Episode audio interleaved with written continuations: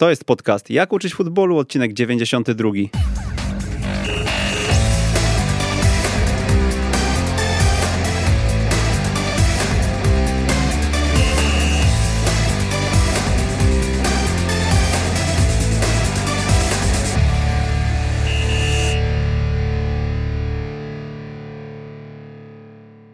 Jak uczyć futbolu, odcinek 92.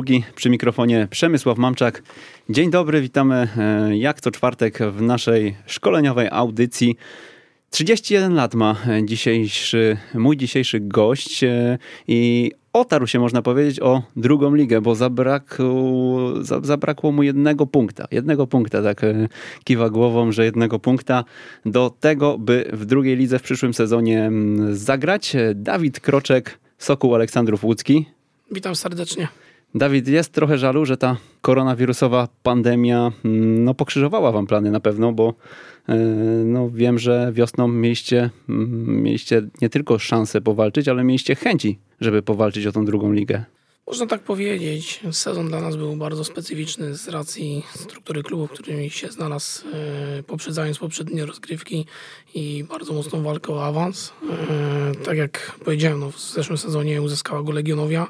My niestety musieliśmy zapłacić e, dość dużą cenę organizacyjną i, i całkowicie przebudować zespół. Cele, które były na początku zakładane E, e, odnosił się tylko i wyłącznie do utrzymania zespołu w lidze. Okazało się, że znaleźliśmy się w czubie i no można tak powiedzieć, że tego jednego punktu e, brakło, żeby zrównać się z Ostrudą.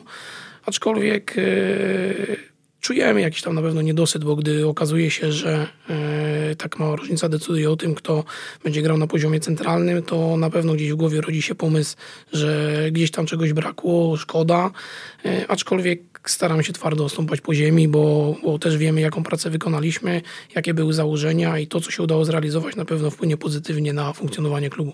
Kilka dni temu minął rok, odkąd e, jesteś w Sokole. Mm, no nie jako, e, nie w Sokole może, bo jako pierwszy trener Sokoła, prawda? Mocne wejście zaliczyłeś do piłki seniorskiej. Mm, tak, to był mój debiut samodzielnej pracy na poziomie trzecioligowym. Łącznie spędzam, znaczy łącznie to teraz zaczynam trzeci rok pracy. Wcześniej e, cały rok pełniłem funkcję asystenta u trenera Sławka Majaka i Bogdana Jóźwiaka. E, no zeszły rok był już e, samodzielną pracą, oczywiście z, z pozostałą grupą sztabu szkoleniowego. Na pewno można gdzieś tam go oceniać pozytywnie i, i wiemy też jest jaka, jaka jest praca trenera, że e, bardzo często jesteśmy na wozie i bardzo, bardzo często wiele osób nas chwali, a potem zdarza się jakaś krótka wpadka, 4-5 spotkań bez pozytywnego wyniku i ludzie odbierają cię zupełnie inaczej. No, my zaliczyliśmy bardzo dobrą rundę, bardzo dobry sezon, e, jeżeli można to tak nazwać, e, no bo on wiadomo został wcześniej zakończony i z tego jesteśmy gdzieś tam zadowoleni. Spływają na ciebie pochwały? Słyszysz je, czujesz? wiele osób gdzieś tam pozytywnie się wypowiada, aczkolwiek, tak jak powiedziałem, no, piłka jest specyficznym e, zawodem, jeżeli chodzi przede wszystkim o ten aspekt e, trenerski i kiedy wygrywasz, to, to, to rzeczywiście gdzieś tam wiele osób docenia tą pracę, ale zdarzy się kilka niepowodzeń i ludzie odbierają cię zupełnie inaczej. Dlatego nawet jeżeli słyszę te, te gdzieś tam pozytywne komentarze, to staram się E, nie to ich nie słuchać, bo to na pewno jest przyjemne, ale podchodzić do tego z taką dużą dozą rezerwy i dalej motywować się do pracy. Tak, tutaj pocztą pantoflową e, co któraś osoba podsuwa mi kolejne nazwisko i twoje gdzieś już e, padało wśród innych trenerów. Jak to się stało, że ty wskoczyłeś do trzeciej ligi na tak szybkim etapie swojej piłkarskiej, trenerskiej kariery? No bo od tego zacząłem, że masz 31 lat dopiero. Tak, to prawda chyba na, na tym poziomie trzecioligowym jestem jednym z młodszych trenerów. E, na pewno bardzo dużo tutaj e, pomogła wcześniejsza praca u trenera Sławka Majaka i Bogdana Jóźwiaka, bo miałem możliwość zapoznania się z zespołem, funkcjonowania jako asystent. To dużo daje, jeżeli chodzi o, o, o pewne aspekty. No i potem, tak jak powiedziałem, klub został e, mocno przebudowany organizacyjnie, wycofał się główny sponsor, pojawiło się sporo problemów finansowych. E, I no nie oszukujmy się, wpłynęły na to dwa czynniki. E, jednym z nich jest e, sytuacja finansowa. Zdecydowanie łatwiej jest pozyskać młodego trenera, ambitnego, który chce gdzieś tam udowodnić swoją wartość. I na pewno ma dużo mniejsze oczekiwania niż doświadczeni szkoleniowcy i tutaj nie mamy, nie mamy co się czarować, jeżeli chodzi o takie zachowania. Druga, no to też w jaki sposób musiałem do siebie przekonać osoby, które zarządzają klubem, bo to też nie dzieje się tak, że ktoś z przypadku może dostać trzecią ligę. To też jest, uważam, jakiś efekt pracy, poświęcenia, które wkłada się w to, co się robi, czasu i gdzieś myślę, że te dwa czynniki zadecydowały, że od lipca zeszłego roku pracuję, pracuję samodzielnie. Okej, okay, ale tak bez e, jakiejś niepotrzebnej skromności powiedz, e, co Twoim zdaniem było mm, takim e, triggerem, takim kluczem do tego, że jednak te szanse otrzymałeś? Jakie, nie wiem, cechy może posiadasz, których inni trenerzy w Twoim wieku może nie posiadają? Jak, jak myślisz? Zacząłbym od tego, że mm, podstawą e, rozwoju trenera jest e, przede wszystkim chęć e, takiego cały nieustannego dokształcania się, rozwijania. Nie ukrywam, że gdzieś tam od samego początku, odkąd zacząłem pracować, ja miałem 19 lat w tym zawodzie, dużo czasu poświęcam na to, żeby rzeczywiście dbać o ten rozwój, bardzo dużo inwestuję, wyjeżdżam, obserwuję jak pracują inni, czerpię inspiracje od wielu osób, następnie staram się to przełożyć na swoje funkcjonowanie. I myślę, że ta ciężka praca kiedyś w życiu później wraca do siebie w postaci tego, że ktoś to docenia. E, czasem jest tak, że trzeba na to poczekać kilka lat, czasem dzieje się to troszkę szybciej. E, no na pewno, tak jak też wcześniej nadmieniłem, to nie jest e, może nie tyle co przypadek, ale nie czuję się, że dostałem coś za darmo. To też jest efekt wysiłku, który, który w to wkładam. No i dzięki temu gdzieś poprowadziłem ten, ten Sokół właśnie już od zeszłego sezonu. Powiedz jeszcze o swojej mm, przeszłości, bo wiem, że mocno związany jesteś ciągle z SMS-em Łódź, czy byłeś do niedawna? Jestem cały czas związany z y, SMS-em, łączę te dwie funkcje. Od rana zawsze poświęcam czas szkole mistrzowa sportowego nie ukrywam, że to jest takie miejsce, które e, no, bardzo mocno wpłynęło na moje życie, bo e, na początku byłem uczniem, skończyłem gimnazjum, liceum, e, też studia wyższe w Szkole Mistrzostwa Sportowego i potem bardzo szybko otrzymałem pracę, bo miałem 21 lat i trener Dawidowski, osoba, która na dzień dzisiejszy pełni funkcję dyrektora sportowego, zaproponowała mi pracę, dała możliwość rozwoju też w jakiś sposób zaufała i jako cała szkoła i też przede wszystkim trener Dawidowski mocno takie odcisnęła piętno na to, kim jestem teraz. Także na pewno to jest takie miejsce, w którym, w którym, któremu dużo zawdzięczam. Powiedziałeś o tych zmianach w Sokole, mm, które miały miejsce przed rokiem. E, tam chyba się odbyła mała rewolucja, można powiedzieć ze względów finansowych, no bo nie mamy się co oszukiwać, większość zawodników nie była w stanie zaakceptować yy, warunków, które były zaproponowane przez klub i odeszło łącznie 15 zawodników yy, z kadry 23-osobowej. To jest bardzo dużo i stanęliśmy przed y, dużym wyzwaniem budowania zespołu na nowo. Zostało siedmiu, mówiąc w cudzysłowie, starych graczy, czyli zawodników z poprzedniego sezonu i trzeba było tak naprawdę resztę drużyny y, zbudować na nowo. Bardzo ciężki okres, y, jeżeli chodzi o taki aspekt pracy trenera, bo to planowanie E, jednostek treningowych, planowanie, analizy, schodzi gdzieś tam na drugi, trzeci tor. W pierwszej kolejności starasz się e, zadbać o tą sprawę organizacyjną klubu, zadbać o scouting, o pozyskanie zawodników. E, bardzo wymagający czas, czasu na trening też ucieka, no bo nie pracujesz w zespole, w którym będziesz grał pierwszy mecz ligowy, tylko też musisz poświęcić trochę czasu na selekcję. I to tak wyglądało w zeszłym sezonie. No właśnie, opowiedz o tym, e, w jaki sposób udało Ci się aż tak dobrze to poukładać, że no, plasowaliście się na drugim miejscu w lidze, skoro 15 zawodników, tak jak powiedziałeś, odeszło. E, totalny przewrót, e, budowa wszystkiego od nowa. No, zawodnicy też nie, nie, to nie jest tak, że się znali, tak? tylko nagle się pojawili, musieli się ze sobą w jakiś sposób zgrać, zrozumieć, musieliście wy to poukładać jako sztab szkoleniowy. Duże wyzwanie. To prawda. Tutaj też jest e, plusem to, że przez te wszystkie lata e, byłem i jestem związany z piłką młodzieżową i mimo wszystko e, wiedza i dostęp do tych zawodników 17, 18, 19-letnich no jest dość duże i bardzo pomaga w y, pracy z racji tego, że no jestem w stanie y, gdzieś tych najzdolniejszych z naszego rejonu y, namówić na tą grę w Aleksandrowie. I to też było takim czynnikiem, który powodował to, że trochę łatwiej było zbudować całość drużyny, bo mówię, no, z wieloma zawodnikami, z którymi współpracuję w Sokole, spotkałem się gdzieś wcześniej. Znałem też ich podejście, znałem ich e, mental, znałem ich umiejętności i dlatego ten taki proces rekrutacji, czy można nazwać selekcji, przebiegał dość sprawnie mimo bardzo ograniczonego czasu. Od czego zacząłeś, powiedz? Wejdźmy w szczegóły tutaj, e, jeśli chodzi o te poszukiwania. Dostałeś informację, mm, Dawid, e, propozycja na stole, podpisuj kontrakt, będziesz naszym trenerem w tym sezonie. No i co? Telefon? No i tutaj musimy wrócić do e, słów Janusza Wójcika, które wydają się nieśmiertelne, jeżeli chodzi o funkcjonowanie klubu, że teraz nie ma co trenować, teraz trzeba dzwonić. Czyli wiedziałem, że telefon. I zaczynamy od dzwonienia. Oczywiście, że tak. E, szukamy zawodników, którzy są w stanie w, e, potencjalnie gdzieś tam zasilić klub, którzy są w ogóle zainteresowani pojawieniem się w Sokole. Następnie potem no, jak najszybciej określenie się, czy jesteśmy zainteresowani ze strony klubu i czy zawodnik akceptuje warunki, jakie mu przedstawiamy. No i następnie potem planowanie procesu szkoleniowego, e, jak najszybciej budowanie struktury modelu, w jakim będziemy chcieli funkcjonować, pomysłu na grę i tak to też się odbywało. Do pomysłu na grę i do, mm, do tych spraw e, bardziej boiskowych sobie jeszcze przejdziemy, ale pozwól, że zaczniemy od tego, mm, o czym powiedziałeś. Dzwoniłeś z jakąś ofertą do, do piłkarzy. Te oferty pod kątem finansowym nie mogły być e, no, na pewno nie najlepsze w tej lidze, ale też pewnie wiele innych klubów było w stanie cię przebić. E, w jaki sposób docierałeś do mm, zawodników i co, co, co proponowałeś im tak po prostu?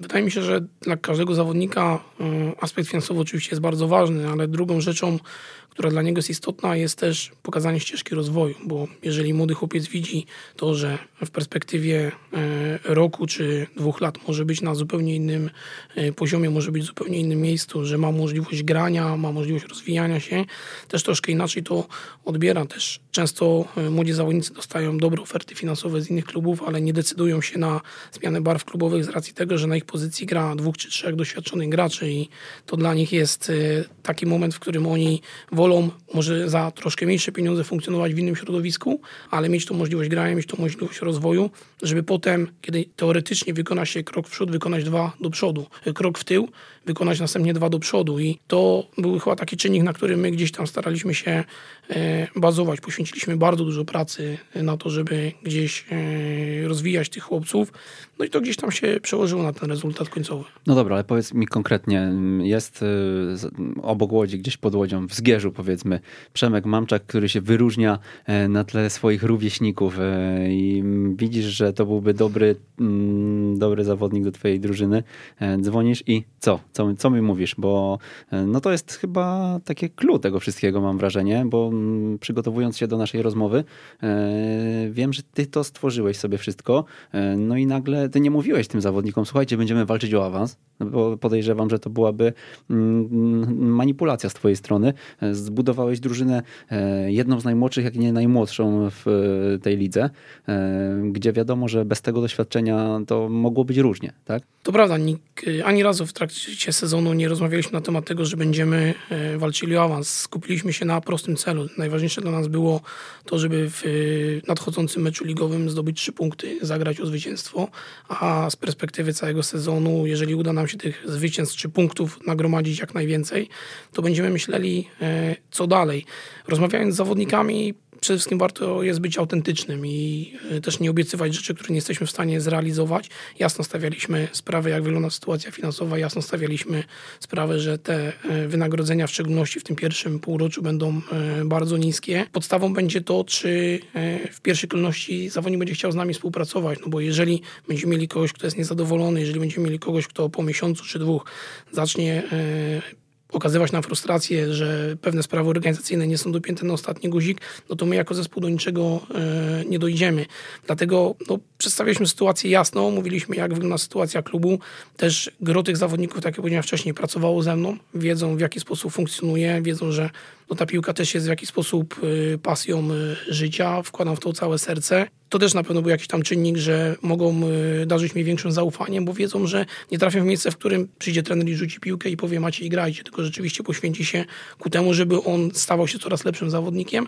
Oczywiście nie zawsze się to uda, no bo nie ma złotego środka. Jeżeli my jako trenerzy E, znalibyśmy złoty środek na rozwój zawodnika i na wygrywanie, no to niepotrzebny byłby cały ten proces szkoleniowy. Więc wydaje mi się, że to są takie najważniejsze aspekty, które gdzieś tam przemawiały, przemawiały za tym. Powiedziałeś o ścieżce rozwoju. W jaki sposób ją nakreślałeś? Bardzo ważne jest to, żeby zawodnik widział swój postęp. To jest e, bardzo istotne. Jeżeli przychodzi do nas, e, każdy z tych chłopców ma gdzieś tam jakieś swoje deficyty, których, e, które chciałby poprawić. Przykładowo, czy są to aspekty motoryczne, pracowanie nad szybkością, czy też mówimy o jakichś rzeczach związanych z elementami techniczno-taktycznymi pod kątem decyzji, pod kątem ustawienia, pod kątem przyjęcia kierunkowego itd., tak itd. Tak Nakreślaliśmy taki profil zawodnika, w którym mm, ocenialiśmy jego poziom sportowy. Następnie potem bardzo często po treningach e, w mikrocyklu, który mieliśmy, ci chłopcy zostawali, pracowali nad tymi deficytami. Mówimy o takiej formie wyrównawczej, indywidualnej. Taki też był poświęcony jeden dzień w tygodniu. Czwartek, jak będziemy omawiali mikrocykl, który realizowaliśmy, to, to wrócimy do tego szerzej. I też e, prawdą jest to, że jednostka rozwija się w grupie i ten trening zespołowy też musi być na dobrym poziomie. Jeżeli my byśmy nie zagwarantowali całej drużynie wysokiego poziomu, czy też dobrego poziomu sportowego, w którym mogą rywalizować, to też ten proces szkoleniowy nie jest do końca wydajny. Dlatego ważne było e, stworzyć grupę nie tylko i wyłącznie młodych zawodników i perspektywicznych, tylko też, żeby ta jakość była całkiem niezła i stąd też w zespole byli zawodnicy, którzy mieli jakieś epizody na poziomie ekstraklasy, czy też pierwszej ligi trener mm, na poziomie trzeciej ligi to trochę taki trener-menedżer. Powiedz, y, przed naszą rozmową przy kawie wspomniałeś, że sprawy boiskowe, sprawy treningowe to tak naprawdę trzeci, czwarty aspekt y, na liście takich y, najważniejszych zadań, jeżeli chodzi o trenera właśnie w trzeciej lidze. Opowiedz o tych pierwszych miejscach. Y, co jest takiego kluczowego i w jaki sposób mm, musisz zadbać o zawodników, bo to jest też chyba istotne. Y, właśnie na przykład w perspektywie rozmowy z prezesem, z właścicielem klubu. Celem oczywiście jest to, żeby y, zawodnik czuł się zmotywowany zdeterminowany do pracy. Jeżeli mamy to osiągnąć, to musimy zadbać e, na pewno o te sprawy organizacyjne, musimy zadbać o jakość szkolenia, o jakość kadry, musimy zadbać o warunki, w których e, on będzie funkcjonował, o sprawy finansowe. Tak jak powiedziałem, no, jeżeli ktoś nie do końca jest przekonany, czy e, nie jest zadowolony z miejsca, w którym jest, on nigdy w życiu nie da siebie 100%. Dlatego bardzo ważne dla nas było poprawienie tej jakości organizacyjnej, ustabilizowanie sytuacji finansowej klubu. E, zadbanie o te podstawowe rzeczy. Funkcjonujemy jak większość zespołów na obiektach MOSIR i też bardzo ważne jest to, żeby e, ta relacja pomiędzy klubem a obiektem miejskim była bardzo dobra, no bo to wiąże się z jakością boiska, a to wiąże się z możliwością wejścia na główną płytę, to wiąże się z możliwością skorzystania z e, obiektów sportowych, Kolejnym krokiem jest oczywiście sytuacja organizacyjna klubu, sprzęt, na jakim pracują zawodnicy, możliwość dostępu do siłowni. Tych rzeczy jest bardzo dużo. Rozmawiamy tutaj o detalach. Kuba Bączek jakiś czas temu yy, w swoim, w swoim yy, podcaście powiedział właśnie o szukaniu takich zysków marginalnych, 1% z każdego, z każdego aspektu, żeby poprawiać możliwości zakwaterowania, poprawiać jedzenie, poprawiać jakość snu, poprawiać jakość sprzętu.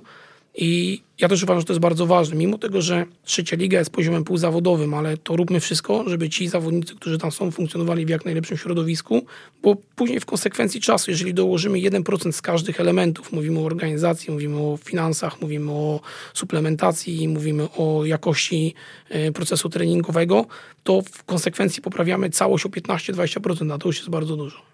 W jaki sposób wypośrodkowałeś taką mm, szczerość wobec zawodników e, względem Twoich relacji z prezesem klubu? Jesteś pośrednikiem e, często między, między obiema grupami, prawda? Często tak. W listopadzie u nas doszło do zmiany e, zarządu z racji tej sytuacji, która oczywiście miała miejsce i obecny, obecny prezes jest taką osobą bardzo otwartą na, na jakiekolwiek sugestie, nie zamyka się w swoich gdzieś tam pomysłach. Dlatego też moja rola jest, y, można powiedzieć, bardzo rozbudowana, no bo o wielu aspektach też mam jakiś proces decyzyjny i tak jak powiedziałem, no bardzo ważne jest to, żeby przede wszystkim być autentycznym i szczerym do zawodników. Oczywiście nie zawsze zawodnik tak to odbierze i czasem, jeżeli przykładowo nie gra jakiś czas e, w pierwszym składzie, czy nie jest w kadrze meczowej, on w pewnym momencie też zaczyna traktować e, trenera jako osobę, która gdzieś tam na niego nie stawia, doszukuje doszukuje się pewnych y, rzeczy. My mimo wszystko staramy się wszystkie sprawy rozwiązywać y, jasno, rozmawiać, no bo to jest y, kluczem do, do budowania dobrej relacji. Jeżeli pojawiają się problemy, to nie zamiatamy ich pod dywan, tylko rzeczywiście staramy się na bieżąco zareagować. I to, co zaobserwowałem, mimo tego, że krótko gdzieś na tym poziomie seniorskim funkcjonuje, to widzę, że zawodnicy też zwracają na to bardzo mocną uwagę, to jest właśnie traktowanie i podejście zawodników. Rozmawialiśmy o tym i przykładowo zbliża się czerwiec, zawodnik informuje klub, że yy, zmienia barwy klubowe od lipca i nagle zaczyna się ze strony klubu szukanie yy, wszelkich haków na to, żeby nie dać mu wynagrodzenia za, za ostatni miesiąc, bo on już odchodzi, czy nie dać mu premii, która była obiecana za jakieś yy, wygrane mecze. Ja uważam, że to jest bardzo nie w porządku, bo teraz postawmy się w sytuacji y, ludzi, y, którzy pracują w danej korporacji, mają kontrakt na rok, pracują w grudniu, w styczniu zmieniają pracę i nagle pracodawca mówi im, że za grudzień dostaje pieniędzy. I widzę też, że zawodnicy boją się w ogóle takiej sytuacji, bo są nauczeni doświadczeniem. My musimy też być w jakiś sposób tarczą dla nich. Oczywiście nie zawsze się to da robić, bo to nie jest tak, że my tutaj pełnimy funkcję Robin Hooda i będziemy zabierać bogatym, dawać biednym, ale no musimy być sprawiedliwi. Jeżeli ktoś wykona swoją pracę, wykonują dobrze, e, wykonują sumiennie, nie zawsze oczywiście uda się to przełożyć na wynik sportowy, no bo nie ma, tak jak powiedziałem, na to tego środka, to, to gdzieś to później w perspektywie czasu no, oddaje. Mhm, a tak sobie myślę teraz, mm, oczywiście no, fajnie jest e, zapewnić takiemu zawodnikowi tą ostatnią pensję, ale jak sobie e, myślę o prezesie, który powie, powiedziałby ci Dawid, no, no niestety musimy ograniczać tutaj pewne wydatki i postanowiłem, że to będzie właśnie ten wydatek. E, no byłoby ci się chyba ciężko z tym zgodzić, prawda? No, byłoby oczywiście ciężko się z tym zgodzić. Na pewno no, ja ze swojej strony muszę też robić wszystko, żeby e, tak się nie wydarzyło. Dlatego też bardzo ważne jest budowanie relacji Trener to nie jest osoba, która tylko i wyłącznie wychodzi na boisko i przeprowadza e, jednostki treningowe, tylko to jest osoba, która w jakiś sposób sprawuje ważną funkcję w klubie, e, również tą organizacyjną. Oczywiście nie każdy prezes jest otwarty na takie rozmowy i też wydaje mi się, że im wyżej pracujemy, tym e, podział tych obowiązków jest e, dużo bardziej widoczny, bo każdy zajmuje się swoją działką i nie zawsze trener ma wpływ na pewne aspekty, aczkolwiek w trzeciej lidze uważam, że budowanie tej relacji, budowanie świadomości e, również również zarządu jest też bardzo ważne, bo z reguły prezesi są to osoby, które w jakiś sposób funkcjonują w swoich firmach, osiągnęły jakiś sukces y, organizacyjny czy też finansowy, ale osiągnęli go w swojej branży.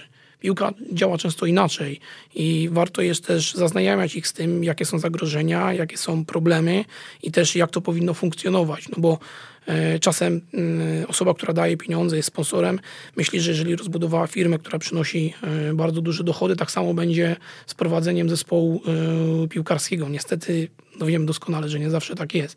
I dlatego bardzo ważna jest ta relacja na linii zarząd-sztab.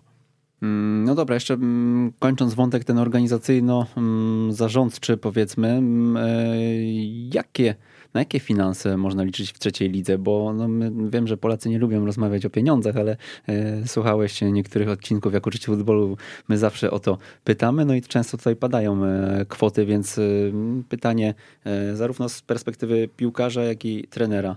O jakich widełkach mówimy? Wiadomo, że szczegółów e, no, nie chcemy zdradzać z racji e, umów, które posiadamy.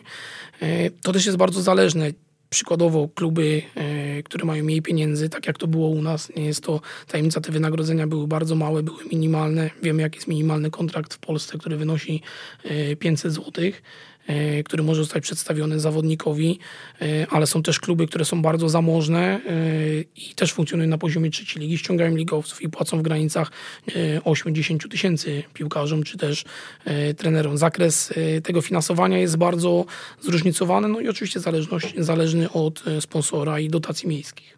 No dobra, ja tutaj zacytuję wywiad e, z Igolem. Twój wywiad z Igolem. Uważam, że budowanie autorytetu na podstawie rozkazów, nakazów lub kar w obecnych czasach przynosi krótkotrwałe efekty i nie daje szans na sukces w dłuższej perspektywie. Taką też wyznaję filozofię. Oczywiście mm, dyscyplina w zespole musi być zachowana i czasem e, trzeba podjąć e, odpowiednie kroki do tego, żeby no, przekonać zespół do pewnego działania i zrozumienia pewnych rzeczy. Aczkolwiek, jeżeli my byśmy jako sztab tylko i wyłącznie e, nakazywali, rozkazywali, jeżeli coś nie będzie realizowane, karali zawodników, to uważam, że z perspektywy czasu e, nie, ma, nie może to dłużej funkcjonować jestem zdania tego, tego, że my jako trenerzy musimy dotrzeć do piłkarza. Musimy go w jakiś sposób e, aktywować do tego, żeby on e, był w stanie funkcjonować na odpowiednim poziomie, był zaangażowany, był zdeterminowany, rozumiał e, pewne rzeczy, które się dzieją. Ostatnio mieliśmy taką odprawę organizacyjną przed pierwszym treningiem i odnieśliśmy się do krótkiego wywiadu Roberta Lewandowskiego, w którym nadmienił, że w wieku 35 lat Xavi Alonso wymienia pasy przed treningiem. I okej, okay, no mamy doświadczonego piłkarza, który osiągnął bardzo dużo, no ma 35 lat i nagle osoba, która osiągnęła tak dużo, stoi przed treningiem i pracuje nad podaniem. I to jest taki, można powiedzieć w cudzysłowie, wyznacznik tego yy, profesjonalizmu, tego rozwoju. I w pewnym momencie właśnie też yy, Robert Lewandowski wraca do tego, że on zaczął z nim ćwiczyć w parze. I rzeczywiście po dwóch miesiącach ten aspekt piłkarski był zdecydowanie bardziej poprawiony. I wiemy, Tutaj też jest odniesienie się do polskiego zawodnika, który często wychodzi na trening i nie jest w ogóle przygotowany ani mentalnie, e, żeby wejść na, na, na pewien poziom, bo traktuje to jako zabawę. Oczywiście tak jak e, powiedziałem wcześniej, trzecia liga jest to poziom półzawodowy. Zawodnicy pracują, e, często mają też wiele problemów związanych e, ze swoim życiem prywatnym. Po 8 godzinach muszą wyjść na trening, musimy to rozgraniczać, no ale róbmy wszystko, żeby oni pracowali w profesjonalnym środowisku. Dawajmy im takie narzędzia, tak jak przykładowo no, mówimy tutaj o tej krótkiej odprawie wideo, w której pokazujemy, że no, żeby znaleźć się tam wyżej, no trzeba, trzeba też czasem zmienić to, to myślenie. Oczywiście może jedna sztuka wejdzie z poziomu, czy tam dwie z poziomu trzecioligowego na poziom ekstraklasy, e, no ale to można wtedy traktować w kategorii sukcesu. Jeżeli uda się wpłynąć na jego myślenie, jeżeli nie, to na pewno coś zostanie też na taki aspekt życia prywatnego, bo to też nie jest tak, że my wychodzimy e, po treningu i nas nie interesuje, co będzie zawodnikiem w tym czasie wolnym, bo to są też ważne rzeczy, na które musimy zwracać uwagę. Wiem, że ta psychologia, to zarządzanie grupą jest e, chyba twoim konikiem, prawda? Temat na czasie, ostatnio Last Dance i to, co się działo w szatni Chicago Bulls, y, no myślę, że każdy z naszych słuchaczy oglądał, albo większość z nich. E, Michael Jordan, e, Scottie Pippen czy Dennis Rodman, szczególnie z naciskiem na tego ostatniego. E, no jak ty to odbierasz i na ile możemy przenosić takie, takie, takie właśnie wzorce, bo mówimy tu o, o zarządzaniu szatnią przez Phila Jacksona. No zresztą ty z tego, co rozmawialiśmy wcześniej, też inspirowałeś się gdzieś Imo Alexisem profesora Tadeusza Hucińskiego, który też był u nas e, kilkukrotnie. To prawda. Według mnie e, to zarządzanie szatnią, ten aspekt mentalny, mimo wszystko jest takim e, składnikiem, który łączy pozostałe cechy, jeżeli chodzi o szkolenie, czyli motorykę, działania techniczno-taktyczne. Jeżeli my potrafimy dotrzeć do zawodnika, to też on będzie inaczej funkcjonował w tych pozostałych elementach. Jeżeli wracamy do ostatniego y, serialu, ostatni, ostatni taniec, no tutaj mamy dobitny przykład na to, jak e, Phil Jackson zarządzał grupą gwiazd z bardzo wysokim ego, z bardzo takim rozbudowanym poczuciem swojej wartości, e, z którymi osiągnął bardzo dużo. I wracając do przykładu Rodmana, wydaje mi się, że widzimy idealne, idealną umiejętność e, dopasowania czy też do, dopasowania swojego ego do ego zawodnika. Okazało się, że no, ten zawodnik potrzebuje czasem po prostu się oderwać, pojechać na imprezę, zmienić miejsce. E, tak jak tutaj mamy przykład, gdzie znalazł się w Las Vegas nie każdy trener by na to zezwolił, bo to niesie ze sobą pewne zagrożenia. No, że... Ty byś zezwolił? To jest ciężko powiedzieć, ale wydaje mi się, że bliżej mi jest do tego, żeby rzeczywiście, jeżeli zawodnik tego potrzebuje i wiem, że jego taki profil psychologiczny jest e, zbudowany tak, że on potrzebuje czasem się oderwać, potrzebuje się czasem zestartować, to wydaje mi się, że tak, bo e, to jest, e, tak jak powiedziałem, jeżeli głowa jest czysta, jeżeli głowa jest naładowana, to ona funkcjonuje to głowa mówi pozytywnie naładowana, to ona funkcjonuje zdecydowanie lepiej. I mamy przykład, gdzie Rodman w najbliższym meczu po powrocie jest najlepszym zawodnikiem spotkania, także to, czy to wpłynęło źle na jego postawę na boisku? No nie. Wracamy... A pewnie, a pewnie wpłynęło właśnie na tyle pozytywnie, że on mm, czując to zaufanie chciał jeszcze się zrewanżować, prawda? E, ale to zadam ci trudne pytanie teraz. To wypuszczasz zawodnika z Aleksandrowa e, do Warszawy na weekend, czy po meczu. Mówisz, ok, bo czuję, że ty jesteś takim naszym rodmanem. E, no i we wtorek przychodzi dwóch kolejnych, mówi trenerze, możemy też e, pojechać do Warszawy? I co wtedy? Warszawa jest droga, nam bardzo długo nie płacili, dlatego wątpię, że oni by tutaj pojechali. Myślę, że poszliby w Łodzi, bo jest trochę taniej, dlatego było pewne rzeczy łatwiej zrealizować. Oczywiście, tylko mam tutaj bardzo dokładny przykład, gdzie e, no, Rodman tak naprawdę sam wyszedł z inicjatywą, tutaj trener mu nie nakazał jechać. Słuchaj, jedź, zrestartuj się, bo widzę, że jesteś przeciążony. On e, dał jakiś tam bodziec, że chciałby, chciałby gdzieś tam odpocząć tego zgiełku.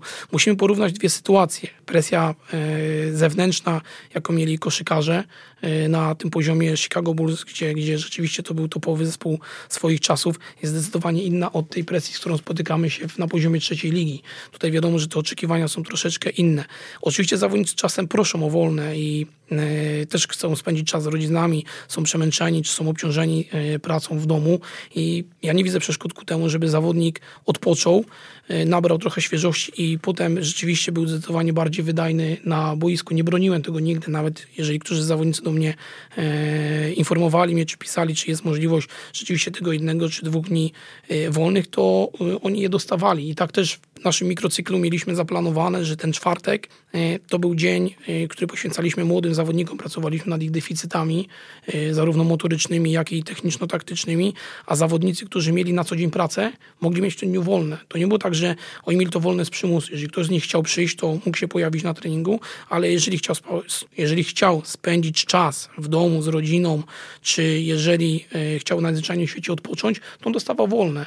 I okej, okay, to się odbywało jakimś tam jednym kosztem jednego treningu zespołowego, ale no nie przynosiło dużych strat, a zdecydowanie inaczej funkcjonowaliśmy wtedy w meczu ligowym. Mhm. No dobra, Dawida, powiedz, czy masz jakieś przykłady jeszcze, które, z których jesteś dumny właśnie do tego twojego nowoczesnego zarządzania szatnią, nazwijmy to tak, no bo myślę, że um, my jesteśmy jednak wychowani, jesteśmy podobny rocznik, więc jesteśmy wychowani w takim systemie, który e, raczej opierał się właśnie na tych nagrodach, karach, e, na m, mm, jednak głośniejszym e, tonie czy, czy, czy mocniejszym e, krzyku m, mm, z ławki. E, no ale widzimy, że świat zmierza chyba w inną stronę i najnowsze badania pokazują, że to, co się broniło jeszcze w latach 90., mm, no myślę, że za kilka lat, czy, czy już w tej chwili, z tymi chłopakami urodzonymi po 2000 roku, e, no będzie trudno, żeby zafunkcjonowało, bo jednak te potrzeby, mm, nawet z perspektywy rozwoju naszej cywilizacji, się zmieniają. Oczywiście no musimy teraz wrócić do, do kilku przykładów. No, postawmy się w sytuacji, w której e, dziecko uczy się chodzić i co jakiś czas na pewno upadnie na ziemię. Teraz zadajmy sobie pytanie, czy jeżeli będziemy na to dziecko krzyczeć, e, to czy ono nie upadnie kolejny raz, czy nie popełni tego błędu i czy ten krzyk rzeczywiście pomoże. Postawmy się w drugim przykładzie, w którym pracujemy e, w różnych zawodach. Tutaj e, nie będziemy się tylko i wyłącznie kierunkowali na, na piłkę. E, mamy 20-21 lat i przychodzi szef do, do, do firmy, czy też do korporacji i cały czas w sposób agresywny, cały czas w sposób taki dobitny przekazuje swoje uwagi. No my nie czujemy się wtedy zmotywowani, my czujemy się raczej, bym powiedział, takim mechanizmie obronnym, że my chcemy jednak może nawet się zbuntować, no bo ta osoba gdzieś nas nie wspiera, i, i, działać w drugim kierunku. I wydaje mi się, że tak samo jest z zawodnikami. No nie można stanąć przy linii bocznej i cały czas e, dawać negatywne komentarze, negatywnie ich oceniać, negatywnie e, z nimi funkcjonować, no bo w pewnym momencie uważam, że to pójdzie w drugą stronę. Oni w jakiś sposób się zbuntują i będą chcieli udowodnić, e, będą chcieli udowodnić, czy też zrobić po prostu na wskroś trenerowi czy osobie, z którą oni e, współpracują. Nie wierzę w taki model funkcjonowania i jest, sam wiem po sobie oczywiście, słowo grałem w piłkę jest, jest e, bardzo odważnym stwierdzeniem, bardziej kopałem i też doskonale pamiętam e, momenty, w których miałem możliwość współpracy z trenerami, którzy bardzo, bardzo gdzieś tam mocno wpływali negatywnie na zawodników, czy nawet ubliżali, czy zwracali uwagę w taki sposób, że, że, że to bardzo mocno deprymowało, bardzo mocno zabijało taką kreatywność, bardzo mocno zabijało poczucie pewności siebie i ja na pewno wtedy nie byłem lepszym zawodnikiem na boisku, a raczej w drugą stronę byłem zestresowany i to nie wpływało pozytywnie i wydaje mi się, że to się nie zmienia, że zawodnicy mimo wszystko potrzebują takiego wsparcia, no bo też jest taka nasza rola. Rola trenera jest diagnozowanie tego, co się dzieje na boisku i wspieranie zawodników, no bo wiadomo, że wszyscy jedziemy na jednym wózku. To jeszcze podsumujmy to jakimś przykładem z twojej pracy Mówimy dokładniej? Y, no, o, o, to podejście y, właśnie, o którym teraz opowiadałeś przez ostatnie chwilę. Mm, w jaki sposób y, miałeś dowód, że faktycznie to, o czym właśnie opowiada profesor Huciński, czy, czy, czy czytamy w 11 pierścieniach biografii Phila Jacksona, że to faktycznie działa lepiej niż, niż ten krzyk? Czy tutaj możemy się odnieść do yy, yy, Imopexis, książka, którą przeczytałem już dość, dość dawno temu, kilkukrotnie. E, bardzo fajny e, pomysł funkcjonowania drużyny, właśnie którą przedstawił profesor Chuciński. Jakiś czas temu w SMS-ie postanowiliśmy się funkcjonować w taki sposób z rocznikiem 2003, który prowadziłem gdzieś tam od podstaw i na poziomie 13 lat zaczęliśmy starać się e, przerzucać odpowiedzialność na zawodników za pewne rzeczy i mówimy tutaj o e, odprawie przedmeczowej, mówimy tutaj o zadaniach, e, które miały być wykonane na meczu. Był to bardzo rozbudowany i ciężki proces, bo my też do końca działaliśmy trochę po omacku, bo nie znaliśmy tych wszystkich tajników. Wiesz doskonale, jak rozbudowany jest ten system, wiesz doskonale też, jak podchodzi tutaj profesor Huciński do pewnych rzeczy i nam, trenerom, którzy się tego uczą, jest czasem pewne, pewne sprawy ciężko zrozumieć, bo, bo to jest, mówię, no bardzo, bardzo, bardzo rozbudowana struktura. I wracając do tematu, doprowadziliśmy do sytuacji takiej, w której zawodnicy zaczęli e, określać zadania na mecz i tak naprawdę w 95% to, co powiedział zespół, sam, bez naszego udziału, e, równało się z tym, co byśmy powiedzieli my im. I teraz mieliśmy przykład, bo te odprawy oczywiście nagrywaliśmy, fakt fakty nagrywaliśmy z ukrycia, ale widzieliśmy, jak zespół jest zaangażowany w proces e, odprawy, jak są skupieni, jak są tak naprawdę poświęceni temu określeniu tych zasad na mecz i Wydaje mi się, że już wtedy zaczęliśmy budować ich świadomość i takim też przykładem jest mecz, który graliśmy, graliśmy w lidze, w którym no, zawodnicy też zdecydowali oczywiście o pewnych rzeczach i podbiega do mnie napastnik, który informuje mnie, że on nie może e, grać na pozycji 9, bo jest ustawiony za wysoko, przeciwnik broni nisko. Przypominam, że ten chłopiec miał 14 lat wtedy i musi zejść troszeczkę niżej, żeby dostawać więcej podań. I e, ja oczywiście zareagowałem w taki sposób, jeżeli tak uważasz, że to będzie dobre rozwiązanie, to zamień zawodnika, który gra na pozycji 10 e, ze sobą i, i spróbujmy. I okazało się tak, że po dosłownie półtorej minucie gry ten zawodnik strzela bramkę za pola karnego, gdzie rzeczywiście dostał piłkę w tym sektorze, w którym grając na pozycji 9 by się nie znalazł. I to jest taki przykład, że e, mogłem zareagować mm, w sposób impulsywny. Co ty mi tu będziesz e, nakazywał jako trenerowi e, zmianę ustawienia, zmianę twojego funkcjonowania, kiedy ja wiem lepiej? No jednak nie, trzeba czasem schować to jego do kieszeni, wczuć się w zawodnika, w jego uczucia, to co on myśli, jak on to widzi z perspektywy boiska, bo często nam przy linii bocznej wydaje się, że pewne sprawy są proste do rozwiązania, a jednak na boisku jest trochę inaczej. Zawodnicy to inaczej odbierają i te uwagi są gdzieś tam słuszne. No i rzeczywiście gdzieś to przyniosło efekt. No tak, właśnie ta otwartość e, jest wskazana, bo czasami może się okazać, że zawodnik e, wie lepiej i czuje po prostu lepiej niż trener. To nie jest złoty środek. E, jeżeli chodzi o funkcjonowanie, oczywiście znajdą się zawodnicy, którzy będą chcieli to wykorzystać. To jest bardzo taki niebezpieczny temat w funkcjonowaniu drużyn seniorskich. Staram się zawsze w przerwie meczu wchodzić do szatni i od razu nie narzucać swojego, swojego y, pomysłu na, na, na dalszą część spotkania, czy od razu wytykania uwag. Z reguły wchodzę po około dwóch, trzech minutach, kiedy znajdą się niej zawodnicy i w pierwszej kolejności pytam się ich, jak oni to widzą. Y, jak oni odbierają pierwszą połowę, jak oni odbierają to, co się wydarzyło y, w tych pierwszych minutach spotkania, żeby też poznać ich opinię. Ja oczywiście mam już przygotowany jakiś swój plan, ale czasem, tak jak powiedziałem, oni widzą to troszkę inaczej. To nie oznacza, że widzą to źle. I druga sprawa też, nie możemy tego odbierać na takiej zasadzie, że tu trener mm, jakby boi się e, zareagować, czy boi się przedstawić im swoją wizję na grę. Nie, wydaje mi się właśnie, że to jest mądrość trenera, e, że on umie słuchać drużyny e, i w stosunku do tego, co się dzieje, gdzieś tam wyciąga dalsze wnioski i dalsze działania związane z planem na dalszą część, na dalszą część meczu. Czyli przychodziłeś zawsze z planem, ale nie zawsze ten plan przedstawiałeś, tylko po usłyszeniu mm, szatni modyfikowałeś go w pewien sposób. W 90% przypadków tak. Czasem też musimy świadomie wejść w emocje i jeżeli rzeczywiście e, wiele rzeczy nie układa się po naszej myśli, jeżeli widzimy, że to wynika też nie tyle z umiejętności piłkarskich, ale jeżeli widzimy, że to wynika z nastawienia na mecz, jeżeli to wynika z tego, że gdzieś tam jesteśmy rozprężeni, to czasem trzeba wejść świadomie w emocje i wstrząsnąć szatnią w przerwie meczu. E, I też nie możemy sobie wejść do szatni, przegrywamy 3-0. Rzeczywiście nie byliśmy w stanie wejść na odpowiedni poziom e, i my wejdziemy i zaczniemy pytać zawodników, co jest nie tak, no to nie będzie e, pozytywnie odebrane. Musimy też umieć balansować e, w tych rzeczach. I tak jak powiedziałem, to nie jest e, złoty środek, ale mimo wszystko w większości przypadków uważam, że spokój i takie racjonalne analizowanie tego, co się dzieje, przynosi większe korzyści niż cały czas bycie w emocjach, bo wtedy wiele rzeczy nie zauważamy i które nam umykają. Czasem kiedy jest nerwowa sytuacja na boisku, często my też tak reagujemy, że kiedy przegrywamy, to jesteśmy bardzo spokojni, bo już zaczyna się pewna nerwówka w zespole. Oni też już to widzą, że zaczynają gonić wynik i jeżeli ja jeszcze przy linii bocznej stałbym, yy, biegał yy, po, po wyznaczonym polu, po którym mogę się poruszać, cały czas gestykulował, był taki yy, agresywny, impulsywny, to nie do końca jestem przekonany, żeby to się przełożyło na wynik, y, na pozytywny wynik spotkania. Natomiast z drugą stronę, jeżeli prowadzimy, bardzo często y, my jako y, trenerzy z linii bocznej jesteśmy dużo bardziej aktywni, bo chcemy zrobić wszystko, żeby ten wynik utrzymać, żeby cały czas zespół był pobudzony, żeby nikt nie zaspał w danej sytuacji, bo każda sytuacja jest oczywiście ważna i bardziej idziemy, idziemy w tym kierunku. Twoim zdaniem wiek ma dzisiaj wpływ na to, jak cię odbierają zawodnicy? Bo wiem, że macie dużo młodszych jednak e, piłkarzy, e, natomiast no jest też kilku e, tych, którzy mm, są starsi od ciebie, prawda? Tak, mamy, mamy bodajże trzech zawodników, którzy są starsi. Jeden jest Bartek Kaniecki, który grał na poziomie ekstraklasy, drugim jest Artur Gieraga, który też na ten poziom wszedł, trzecim jest Przemek Woźniczak. Są to osoby, które no wiekiem gdzieś są starsze ode mnie.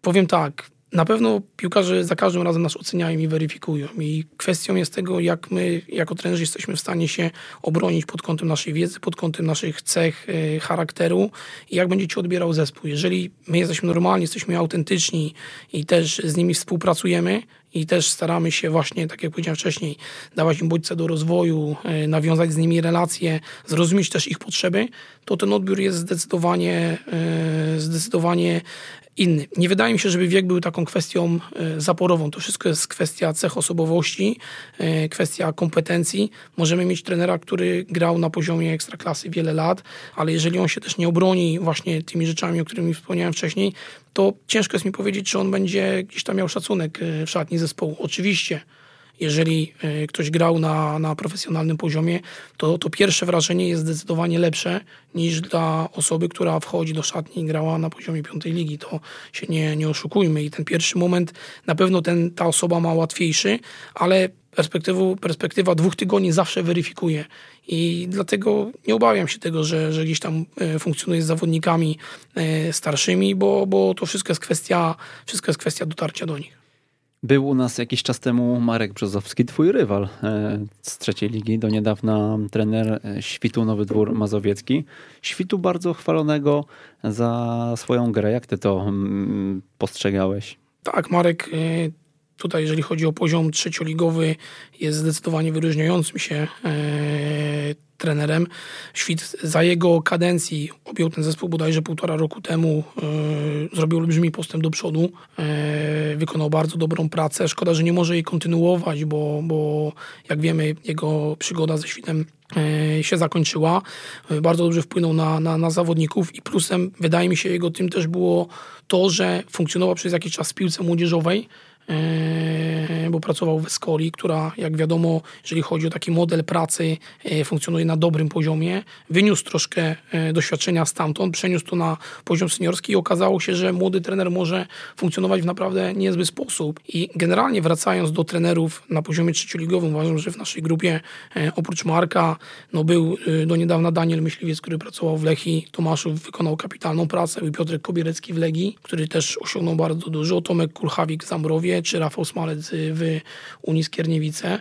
Jest y, gro tam y, młodych, bardzo dobrych trenerów, którzy mają otwarte głowy, dobrze y, funkcjonują właśnie na tym poziomie seniorskim, dlatego, dlatego gdzieś tak jak ty powiedziałeś, wiele tych zespołów fajnie gra w piłkę, fajnie się rozwija, daje to postęp do zawodników i uważam, że to idzie w jakimś tam kierunku mocno do przodu. Zaraz wrócimy do tego tematu gry w piłkę, ale powiedz, bo wymieniłeś tutaj kilka nazwisk młodych szkoleniowców i powiedz, czy um, to jest droga, twoim zdaniem, właśnie zacząć od piłki młodzieżowej um, i, i potem przeskoczyć na etap seniorski? Jak ty to widzisz? Bo wielu pewnie naszych słuchaczy myśli o podobnej drodze i inspiruje się tym, e, co ty osiągnąłeś. Ciężko jest jednoznacznie określić, czy łatwiej jest zacząć od razu z poziomu seniorskiego, czy łatwiej jest zacząć z poziomu młodzieżowego. Ja przeszedłem wszystkie etapy, bo i pracowałem z przedszkolakami, pracowałem z zespołami na każdym mm, tak naprawdę poziomie wiekowym przez przynajmniej rok. E, daje to duży bagaż doświadczeń i przede wszystkim daje to, że trener jest w stanie się określić, na którym poziomie czuje się najlepiej, bo to jest najistotniejsze. Ja całe życie, niezależnie czy prowadziłem U7, U10, U12 czy, czy U19 czy seniorów, chciałem wygrywać. To jest kontrowersyjny temat u nas w Polsce, bo e, jeżeli ktoś mówi w U7, że on chce wygrywać, to często odbierają go jako szaleńca. E, ja nie do końca się z tym zgadzam. Kwestia jest, jak trener dobierze swój model funkcjonowania, prowadzenia zespołu do osiągania e, w każdym meczu jak najlepszego wyniku sportowego. Jeżeli on tym samym ogrywa wszystkich zawodników, jeżeli on tym samym dba o rozwój tych zawodników, którzy później dojrzewają, ale za każdym razem tłumaczy, że no w piłce chodzi o to, żeby yy, wygrać najbliższy mecz, żeby dążyć przynajmniej do zwycięstwa i robi to w taki sposób, że każdy zawodnik rzeczywiście stawia te kroki w przód, to to nie jest oczywiście dwa yy, zła droga. I wiele osób też mi mówiło wcześniej, żebym jak najszybciej rezygnował z tej pracy, w szczególności z dziećmi przez swoje yy, podejście i też po części się z, tym, się z tym zgadzam, że najlepiej się czuję na tą chwilę na tym poziomie, na tym poziomie seniorskim, bo ta rywalizacja gdzieś mnie napędza do dalszego rozwoju, napędza mnie do tego, że rzeczywiście czekam z niecierpliwością na kolejne spotkanie, w którym będziemy mogli skonfrontować się z przeciwnikiem. Wiadomo, że praca W6 czy W7 ma zupełnie inny charakter i nigdy w życiu nie nie powiedział e, tym dzieciom, słuchajcie, dzisiaj sobie zagramy i mamy się dobrze bawić. No nie, w piłce chodzi o to, żeby strzelić więcej bramek niż przeciwnik. Aczkolwiek, tak jak powiedziałem, no to jest mądrość trenera w zarządzaniu całym tym e, procesem. W piłce seniorskiej oczywiście styl funkcjonowania drużyny jest bardzo ważny, ale najważniejszy jest wynik. Dlatego wracając do twojego pytania, Ciężko jest określić, od czego jest łatwiej zacząć. Na pewno piłka młodzieżowa da mi bardzo dużo doświadczeń i odkąd trafiłem do SMS-u, praktycznie w każdym roku byłem przy tych zespołach e, wiodących, grających na poziomie centralnym i miałem możliwość obserwacji, czy to jako asystent, czy jako pierwszy trener, jak to funkcjonuje. Miałem możliwość popełnienia własnych błędów. Tu też jest bardzo ważna właśnie rola e, dyrektorów sportowych. No, ja miałem to szczęście, że trafiłem na trenera Dawidowskiego, który bardzo mi zaufał. E, mimo tego, że byłem młodym trenerem w wieku 21 lat, już miałem możliwość mierzenia się w Mistrzostwach Polski. De facto w tym ostatniej fazie przegranych z Chemikiem Police, który później zdobył w roczniku 94 złoty medal. E, potem funkcjonowałem gdzieś tam przy centralnych ligach i jednocześnie rozwijałem swój rocznik 2003 od podstaw, czyli tam od siódmego roku życia. I to było takie zderzenie, że spotykałem się zarówno z tym, no można powiedzieć, graniem na, bardzo mocno na wynik, czyli mówimy o U19, gdzie te centralne ligi, wiadomo, rządzą się swoimi prawami i również rozwijania dzieci. Nie uważam, że to było złe. To pozwoliło mi e, w jakiś sposób zidentyfikować siebie i to, w którym etapie szkolenia czuję się najlepiej. A teraz jesteś w takim etapie, w którym e, czujesz się najlepiej? Jak, jak myślisz, czy to jest docelowa twoja droga, praca z seniorami, czy, mm, czy w tym wieku e, też jakieś doświadczenia jako drugi trener nie byłyby może jeszcze w, przydatne może w twoim warsztacie? Na pewno chciałem pracować na poziomie seniorskim i to jest na pewno mój cel i taki priorytet, jeżeli chodzi o e, funkcjonowanie. Też nie ukrywam, że Inna jest praca, inny jest charakter pracy asystenta, inny charakter jest pracy pierwszego trenera. Charakter pracy asystenta jest taki, że możesz wykonywać bardzo dużo pracy, e, ale nie jesteś osobą decyzyjną, czyli nie bierzesz na siebie tej odpowiedzialności. Niezależnie ile, e, jaką swobodę pracy da ci pierwszy trener, to ty nie podejmujesz tego ostatniego, ostatniej decyzji. Też w jakiś sposób nie wiesz, czy to, co przygotowałeś jest dobre, czy to działa, no bo tą całą odpowiedzialność bierze na siebie pierwszy trener. Ja się lepiej czuję mimo wszystko jako osoba, która pełni e, rolę pierwszego trenera, jest odpowiedzialna za to, co robi.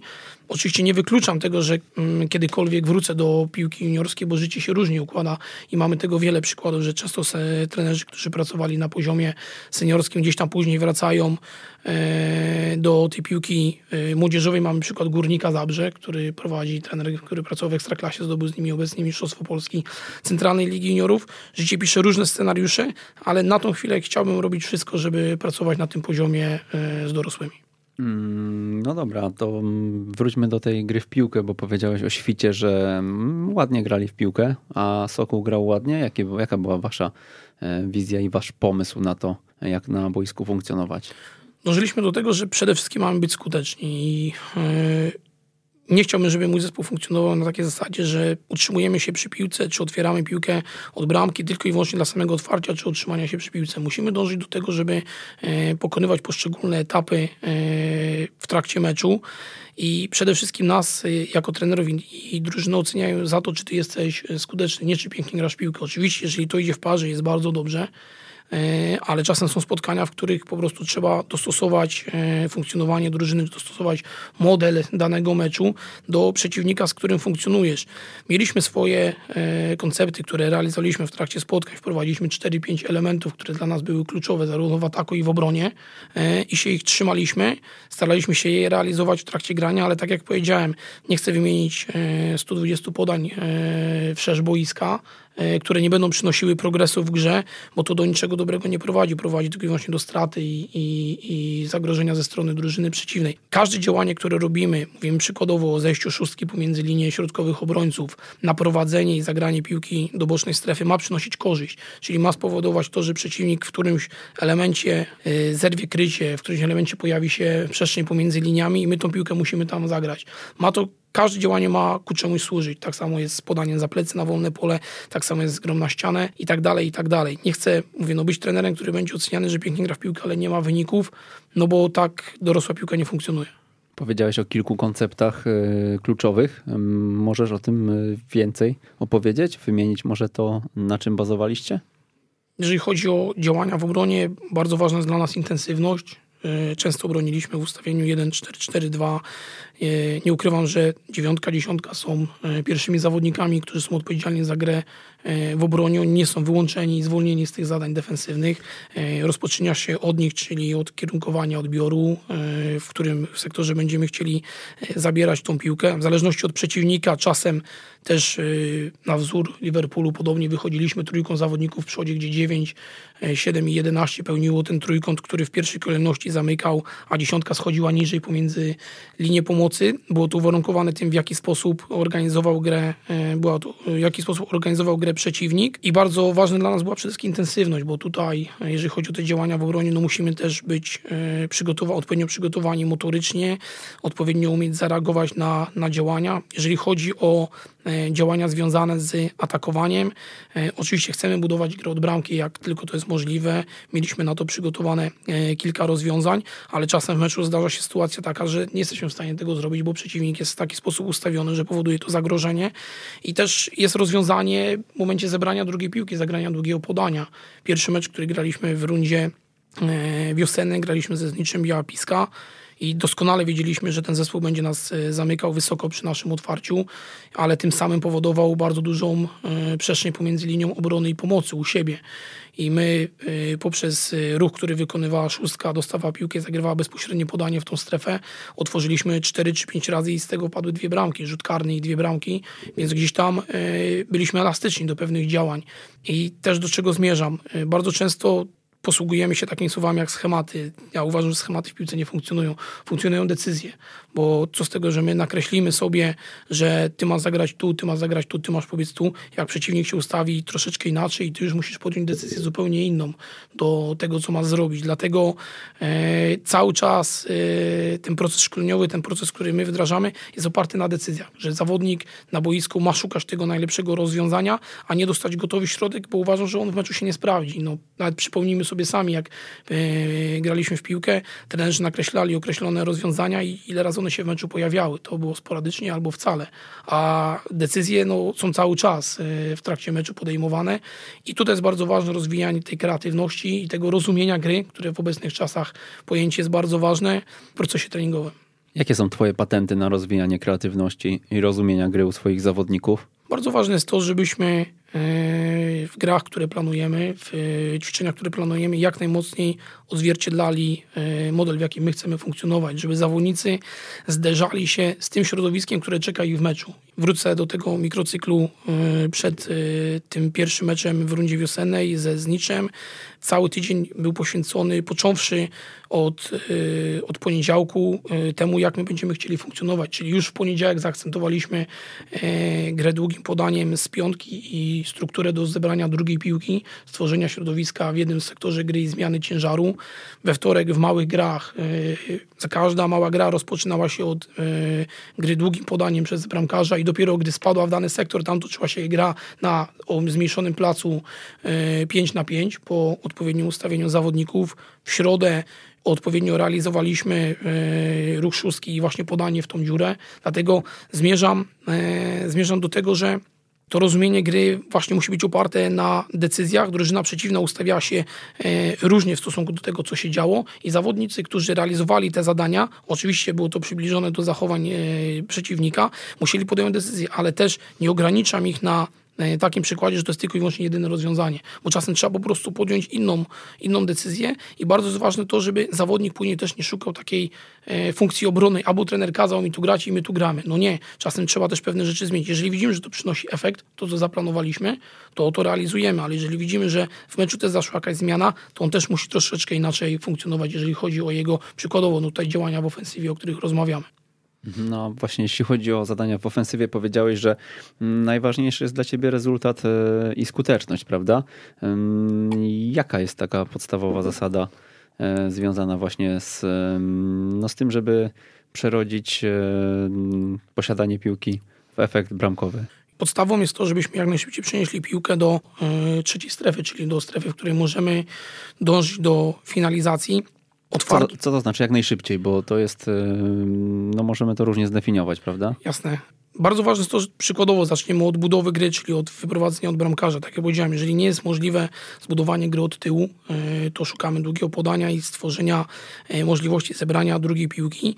Jeżeli przykładowo zaczynamy od e, gry na wysokości... A to jeżeli mogę zatrzymać, skupmy się na tym przykładzie, bo to jest ciekawy przykład. Mówisz jak najszybciej przenieść piłkę do tej trzeciej strefy. No to bramkarz mógłby po prostu kropnąć przód i ona jest już w trzeciej strefie, prawda? Tak, tylko że nie zawsze wybicie bramkarza do trzeciej strefy powoduje to, że my ją zbierzemy. To jest bardzo ważne, żeby to, co robimy, było w jakiś sposób przemyślane. I do czego zmierzam? Zmierzam do tego, żebyśmy nie byli zespołem, który e, gra, do ciebie, e, gra ja do ciebie, ty do mnie, tylko każde działanie, które robimy ma spowodować to, że przeciwnik popełni błąd w ustawieniu w obronie i czasem wymaga to trochę cierpliwości. Może jak najszybciej nie jest to... Trafne na 100% określenie, może jak najszybciej, jak to możliwe, przenieść piłkę do trzeciej strefy, bo jeżeli jesteśmy w stanie skupić uwagę w prawym sektorze boiska, spowodować to, że zespół przeciwny się przesunie, a z drugiej strony boiska pojawi się możliwość e, zmiany ciężaru gry, to to zrobimy, skupimy e, uwagę, następnie po tym przez centrum gry będziemy starali się zmienić, e, zmienić stronę i tym sposobem gdzieś w tą trzecią strefę, z bocznej strefy spróbować e, wejść. Te wszystkie narzędzia, które robimy, mają dążyć do tego, żeby każdą akcję kończyć strzałem. Nie chcemy kończyć akcji na otwarciu i rozwinięciu, bo często zamykamy się w takich schematach, że e, otwieramy grę od bramki, e, przechodzimy do tej strefy e, środkowej i tam brakuje ruchu zawodników, brakuje wejścia w dziurę, brakuje gry na ścianie, brakuje zerwania krycia i my na tym otwarciu się zatrzymujemy i każde otwarcie kończy się tym, że my musimy znowu grać w obronie i Zagrożeniem oczywiście jest to, że my jesteśmy bardzo szeroko ustawieni i sami sobie robimy problem. To wszystko, co wykonujemy, no ma mieć jakiś wspólny sens. Oczywiście to pięknie brzmi w słowach, nie zawsze to jest możliwe do realizacji, e, ale wyposażamy zawodników poprzez środki treningowe w takie narzędzia, które no, będą powodowały to, że będzie kilka rozwiązań w stosunku do tej sytuacji. Ile, jak, jak, jak mm, szeroki jest e, twój model gry, ile ma stron?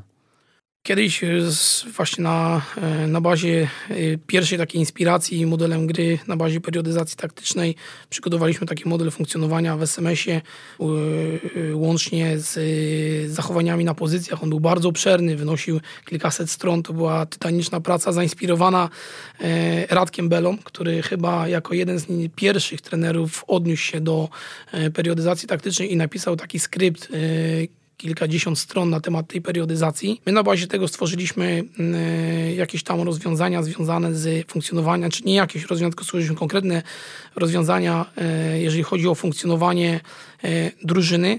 Natomiast piłka młodzieżowa miała się do tego, że my byliśmy w procesie e, ciągłym, procesie rozwijania zawodników i przechodziliśmy, niezależnie od tego, z kim graliśmy, niezależnie z kim funkcjonowaliśmy, przechodziliśmy kolejne etapy, żeby wyposażyć ich w różne narzędzia i w różne ustawienia, w różnych systemach, żeby zawodnik na poziomie seniorskim był na tyle kreatywny, że będzie potrafił się odnaleźć w każdym środowisku. Wracając do pracy na poziomie seniorskim, dla nas jest to pięć zasad w obronie, pięć zasad w ataku. To są konkrety, które staramy się realizować. Oczywiście one ulegają modyfikacjom w stosunku do przeciwnika. Tak jak powiedziałem, no naszym bazowym ustawieniem w obronie jest 1-4-4-2 i wszystko zaczyna się z y, obrony średniej, y, ale czasem decydowaliśmy się na grę trójką napastników, którzy jako pierwsi wykonywali ten ruch do zamknięcia i wykonywali skok pressingowy do przeciwnika, bo widzieliśmy, że drużyna przeciwna ustawia się w taki sposób, że jesteśmy w stanie to wykorzystać. Dlatego też nie zamykamy się w jednych ramach. Tak jak powiedział e, profesor Frade, że model gry ciągle ewoluuje i e, nigdy nie jest skończony. I tak samo też jest tutaj, aczkolwiek uważam, że trzeba mieć e, te podstawowe kanony, na których chcemy oprzeć funkcjonowanie drużyny, żeby one też były jasne i przede wszystkim proste do zrozumienia dla zawodników. Ty się inspirujesz periodyzacją taktyczną, prawda? Tak, oczywiście staram się mieć wiedzę na ten temat. Oczywiście to pojęcie periodyzacji taktycznej budzi wiele kontrowersji, bo wielu trenerów yy, nie do końca yy, rozumie ją tak, jak rozumieją ją w yy, Portugalii, jak rozumie to profesor Frade. Jest to trudna literatura do takiego całkowitego zrozumienia i przełożenia na nasze warunki. E, I nie ukrywam, ja też e, nie znam wszystkich szczegółów tego, bo nie ma tutaj takiej osoby, może poza Tomkiem Tchórzem w naszym kraju, która by to tak dobrze rozumiała jak on. E, bardzo ważne jest to, właśnie co powiedziałem wcześniej, że my musimy być skuteczni i dlatego te wszystkie modele pracy i tutaj właśnie mówimy o periodyzacji taktycznej, mówimy o metodologii Verheyena, mówimy o klasycznym przygotowaniu, e, które dzieliło e, głównie aspekty motoryczne na okres przygotowawczy, okres startowy, okres przejściowy. Staramy się e, dostosować do środowiska, w którym funkcjonujemy i staramy się znaleźć takie narzędzia, które pozwolą, że ten proces będzie wydajny. Tak jak wracając do periodyzacji mówiąc w skrócie, no nie zakłada ćwiczeń związanych z y, siłownią, z obciążeniem zewnętrznym, tylko odnosi się do y, realizowania tych aspektów motorycznych w formie gier. Tak, ja nie wyobrażam sobie sytuacji, w której w Polsce nie pracujemy dodatkowo na siłowni, nie, czy, czy nie pracujemy dodatkowo na boisku z przyrządami zewnętrznymi, nie dbamy o tą prewencję, nie dbamy o rozwój mocy, nie dbamy o rozwój siły, właśnie za pomocą takich ćwiczeń. Tych zależności jest bardzo dużo, bardzo ważne jest to dostosować właśnie do miejsca i do ludzi, z którymi funkcjonujemy. A co ci dało do myślenia, że tego się nie da zrobić bez wyizolowania właśnie siłowni e, czy, czy tematów związanych z motoryką? Uważam, że polski piłkarz tego potrzebuje. Jeżeli nawet posłuchamy rozmów z zawodnikami, to oni często yy, wracają do tego, że okej, okay, ten okres przygotowawczy, kiedy nagle odeszliśmy od piłek, bo bardzo popularna, a czy nagle odeszliśmy od yy, suchego biegania i ta periodyzacja taktyczna stała się yy, takim wyznacznikiem, po pewnym czasie widziałem, że te zawodnicy zaczęli zwracać uwagę na to, że rzeczywiście jednak tych ćwiczeń takich wyrównawczych, motorycznych, tych ćwiczeń e, związanych czy z siłownią, czy z prewencją zaczyna brakować i wydaje mi się, że też taka jest mentalność, że ci zawodnicy tego potrzebują. Druga strona, no nie oszukujmy się, ja jestem przekonany, może oczywiście pewne osoby odbierają to inaczej, ale jestem przekonany, że pewnych rzeczy z tych e, cech motorycznych e, no nie zrealizujemy tylko i wyłącznie poprzez formy gier. E, dlatego bardzo ważne znaleźć taki wspólny środek, który spowoduje e, połączenie tych cech. No mamy przykład Benfiki Lizbona, w której jakiś czas temu spędziłem dwa tygodnie i tam zespół 19 to wtedy była drużyna, która grała w finale z e, Barceloną w Młodzieżowej Lidze Mistrzów. E, pierwszy zespół bardzo mocno pracował nad aspektami motorycznymi i głównie realizował to w e, siłowni, gdzie dwa dni były poświęcone właśnie na, na prewencję, te ćwiczenia takie można powiedzieć zabezpieczające przed urazami, a dwa dni to była naprawdę ciężka siłownia z bardzo dużymi obciążeniami i oni wyglądali fizycznie jak atleci i tam też trener mówi, że pracują według periodyzacji taktycznej i to tak naprawdę no, dzieli Lizbonę od Porto 200 czy 300 kilometrów i każdy interpretował to na swój sposób.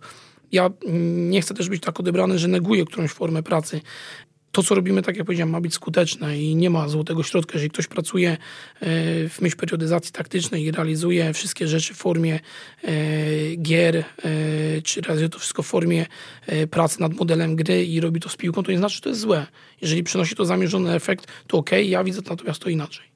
Mhm. Co jeszcze widzisz inaczej? Bo ja pamiętam, e, muszę tutaj pochwalić e, e, Twoje pióro, bo w asystencie trenera publikowałeś materiały właśnie na temat morfocyklu czy mikrocyklu szkoleniowego w oparciu o periodyzację taktyczną ze swoimi modyfikacjami. To była taka periodyzacja by David Kroczek, więc, więc opowiedz może jeszcze na ten temat i przejdziemy też płynnie do ostatniego artykułu w asystencie trenera, czyli waszego mikrocyklu w Sokole, e, który opisaliście szczegółowo i który udostępnisz też tutaj naszym słuchaczom w ramach prezentu, prawda?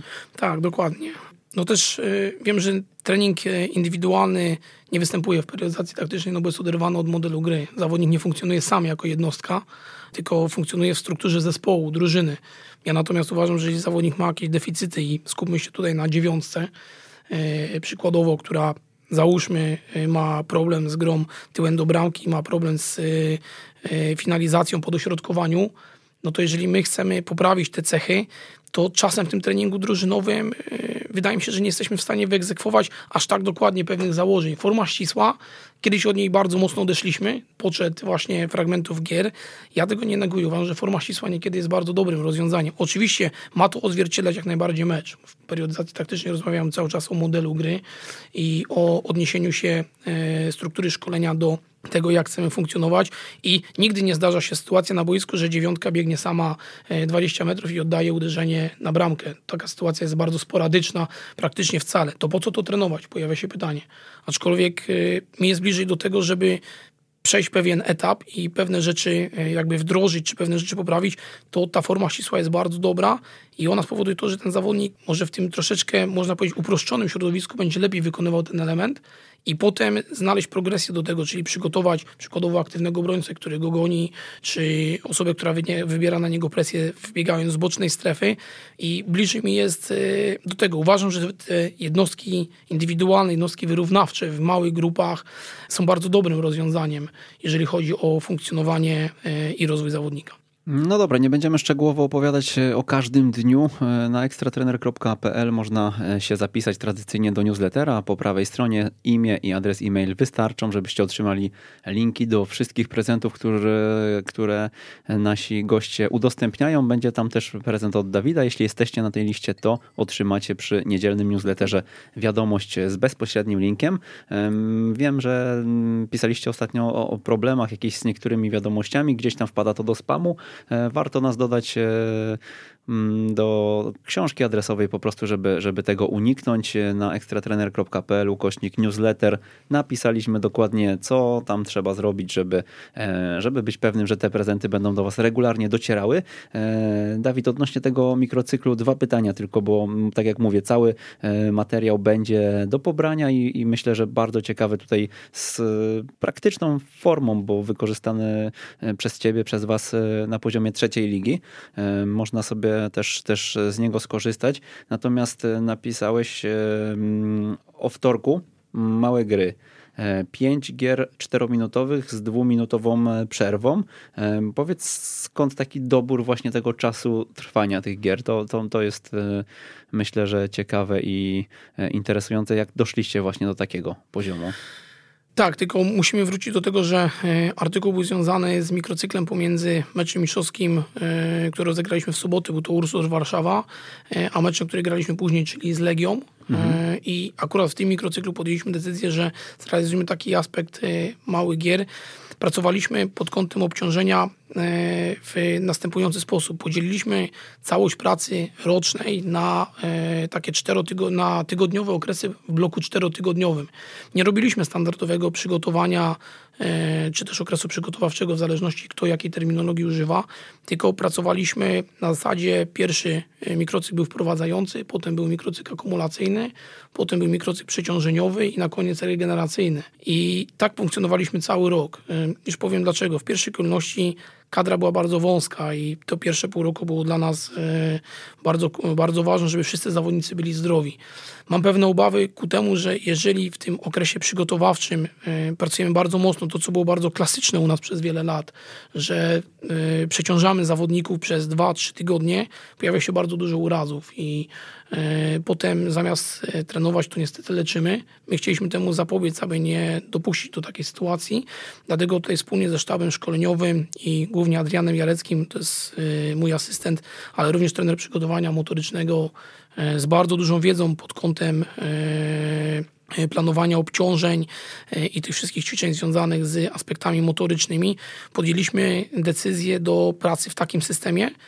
I niezależnie od tego, w jakim e, momencie w lidze byliśmy, jeżeli trafiał się okres przeciążeniowy, graliśmy bardzo ważny mecz i przykładowo to był Sokół Ostruda, to była Legia i tak dalej, to my ten mikrocykl realizowaliśmy. I e, tutaj, jak dobrze pamiętam, e, pomiędzy tymi meczami właśnie był mikrocykl przeciążeniowy, to jest wymagający trening, jeżeli chodzi o aspekt fizyczny.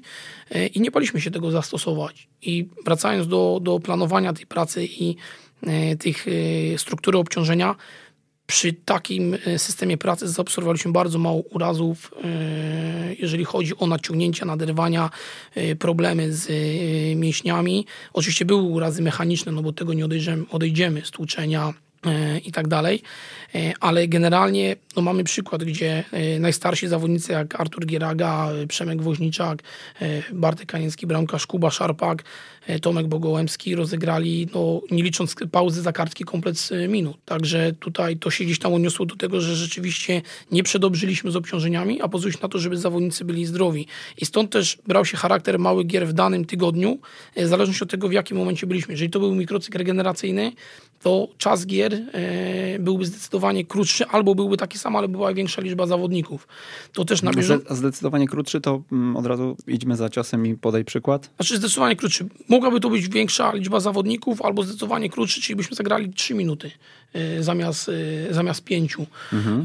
To jest też kwestia obserwacji bardziej skłaniam się ku temu, że często planujemy sobie też okres przygotowawczy, okres pracy w danym tygodniu, planujemy obciążenia i wrócimy do wtorku, wrócimy do małych gier i założyliśmy przykładowo cztery gry po 5 minut, ale widzimy, że trzecia gra już nie funkcjonuje tak, jak powinna. Są trenerzy, którzy koniecznie wymagają tego, no nie, musimy to zrobić 4 e, razy 5 minut, bo to jest bardzo ważne. My raczej działamy w drugą stronę. Jeżeli widzimy, że to nie funkcjonuje, to to skracamy, bo nie przynosi to uważam żadnego efektu, ale to samo też jest w drugą stronę. Jeżeli zagraliśmy 4 gry i widzimy, że zespół jeszcze jest w stanie wykonać jedną i zawodnicy sami dają po sobie odczuć, że są w stanie e, jeszcze jedną grę rozegrać, to uważam, że to też w niczym nie przeszkodzi. Nie zamykamy się w ramach e, od A do Z, że tak ma to być zrealizowane, bo tak jest napisane w książce. To też jest kwestia obserwacji.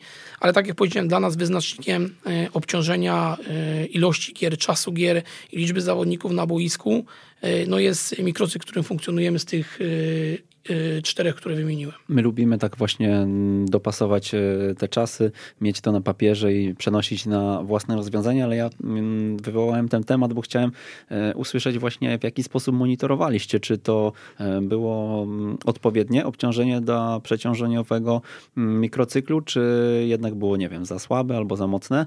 Wiem, że wy posługujecie się skalą RPI, tak?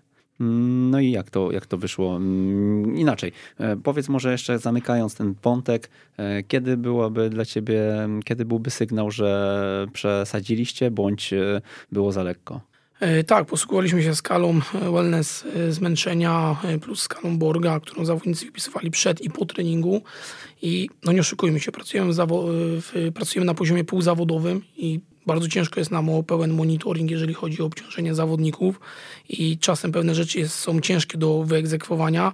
Na bazie e, indywidualnych rozmów z zawodnikami, na bazie właśnie tej tabeli i skali Borga e, ocenialiśmy obciążenie obciąż e, i intensywność mikrocyklu, który był zrealizowany. Jeżeli przykładowo zakładaliśmy sobie mikrocykl wprowadzający, no to on nie mógł mieć większej sumy obciążenia, E, którą zliczaliśmy od mikrocyklu akumulacyjnego, bo znaczyłoby to, że zawodnicy w swoim odczuciu subiektywnym e, ocenili to e, mocniej, czyli gdzieś my jako trenerzy popełniliśmy błąd. Zwracaliśmy na to bardzo uwagę i też widzieliśmy, że jeżeli tam jednym z podpunktów było to, jak się czujesz. I jeżeli widzieliśmy, że zawodnik oceniał to bardzo nisko, 2, 3, 4 punkty, to też z nim rozmawialiśmy, z czego to wynika. I jeżeli takich zawodników przed treningiem było 10, no to znaczyło to, że e, my też nie możemy przesadzić z tą jednostką treningową, no bo to by poszło w drugą stronę. Oczywiście wracamy tutaj do świadomości tych, e, tych e, piłkarzy, żeby oni to robili w sposób rzetelny, ale to też jest kwestia rozmów z nimi, że to też nam pomaga w procesie szkoleniowym. To też nie jest tak, że ktoś wpisze, że się czuje bardzo słabo w piątek i on w sobotę nie zagra, był planowany w pierwszym pierwszym y, wyjść od początku, to jest dla nas informacja zwrotna, że może w ten dzień trzeba w jakiś sposób troszeczkę zmienić charakter, y, jeżeli chodzi o intensywność i dopasować go do tego, żeby ten zawodnik rzeczywiście w meczu był wypoczęty na 100%. Powiedz Dawid, co przeniosłeś z piłki młodzieżowej do mm, piłki seniorskiej, albo inaczej, co ta piłka młodzieżowa ci dała takiego e, najbardziej pozytywnego? Na pewno umiejęttność radzenia sobie w różnych sytuacjach i tutaj mam na myśli, y, wiadomo, w piłce młodzieżowej y, spotykamy się z sytuacjami mm, z zarządzaniem grupą rodziców, zarządzaniem y, zawodnikami, zarządzaniem miejscem, w którym jesteśmy, czyli mówię tutaj o prezesie, czy też władzach klubu i to są też bardzo ważne rzeczy, z którymi musimy się na bieżąco spotykać. Również im prowadzi się starszą grupę, tym zawodnicy są bardziej świadomi i teraz często spotykaliśmy się z sytuacjami, że przychodził do nas zawodnik i pytał się trener, dlaczego ja nie gram, okazywał swoje niezadowolenie. My cały czas zdobywaliśmy doświadczenie, musieliśmy podejmować decyzje i musieliśmy też w jakiś sposób umiejętnie zarządzać tym, żeby on się czuł potrzebny. I takie rzeczy też występują w dorosłej piłce, że musimy y, cały czas na bieżąco reagować. Z aspektów szkoleniowych wiadomo, że tutaj w piłce młodzieżowej jest to proces ciągły. Pracujemy nad rozwojem zawodnika i naszym celem jest w pierwszej kolejności spowodowanie to, że on zagra na najwyższym poziomie i mamy troszeczkę więcej czasu i trochę więcej spokoju na rozwój jego. W piłce seniorskiej jesteśmy oceniani na tu i teraz i liczy się to, co jest w najbliższych kolejkach i w najbliższym miesiącu. To są dwa różne charaktery pracy. Piłka młodzieżowa uczy przede wszystkim może takiej cierpliwości, e, jeżeli chodzi o funkcjonowanie, która też się przydaje później w zespołach, e, w zespołach seniorskich, aczkolwiek też jest bardzo dużo różnic, bo pracując w SMS-ie e, no miałem tą przyjemność pracy z bardzo dobrą drużyną przez wiele lat, z tym rocznikiem 2003 i często, niezależnie od wyniku, zawsze dążyliśmy do strzelenia jak największej liczby bramek, do jak największego wyniku, do takiego ciągłego zwyciężania w meczu. Natomiast w piłce seniorskiej też jest jeden z trenerów, z którym pracowałem. W momencie, kiedy prowadziliśmy 1-0, ja byłem przekonany, że jak najszybciej zdobyć drugą, trzecią bramkę, żeby zamknąć mecz. E, I to jest taki pamiętny moment dla mnie, w którym spokojnie, e, Dawid, tu chwilę trzeba się wycofać, przeczekać i dopiero później gdzieś tam spróbujemy przejść troszeczkę bardziej ofensywnie. I wydaje mi się, że to też była trochę taka lekcja, że inaczej trochę to funkcjonuje, jeżeli chodzi o, e, o te założenia e, meczowe. Czasem strzelasz bramkę, tutaj mówimy o dorosłych e, zawodnikach i warto nie wiem, przeczekać 10-15 minut, troszeczkę niżej, obniżyć linię obrony. Natomiast w piłce młodzieżowej, jeżeli nakreślimy sobie, że gramy wysokim pressingiem, szliśmy jedną, drugą, to dążyliśmy do strzelenia piątej, szóstej, siódmej. A na poziomie seniorskim nie zawsze przyniesie to korzystny rezultat. Tak wspomniałeś tą sytuację. Mm, było jakieś pytanie, zdanie, które usłyszałeś, które zmieniłoby twoje życie albo zmieniło twoje życie?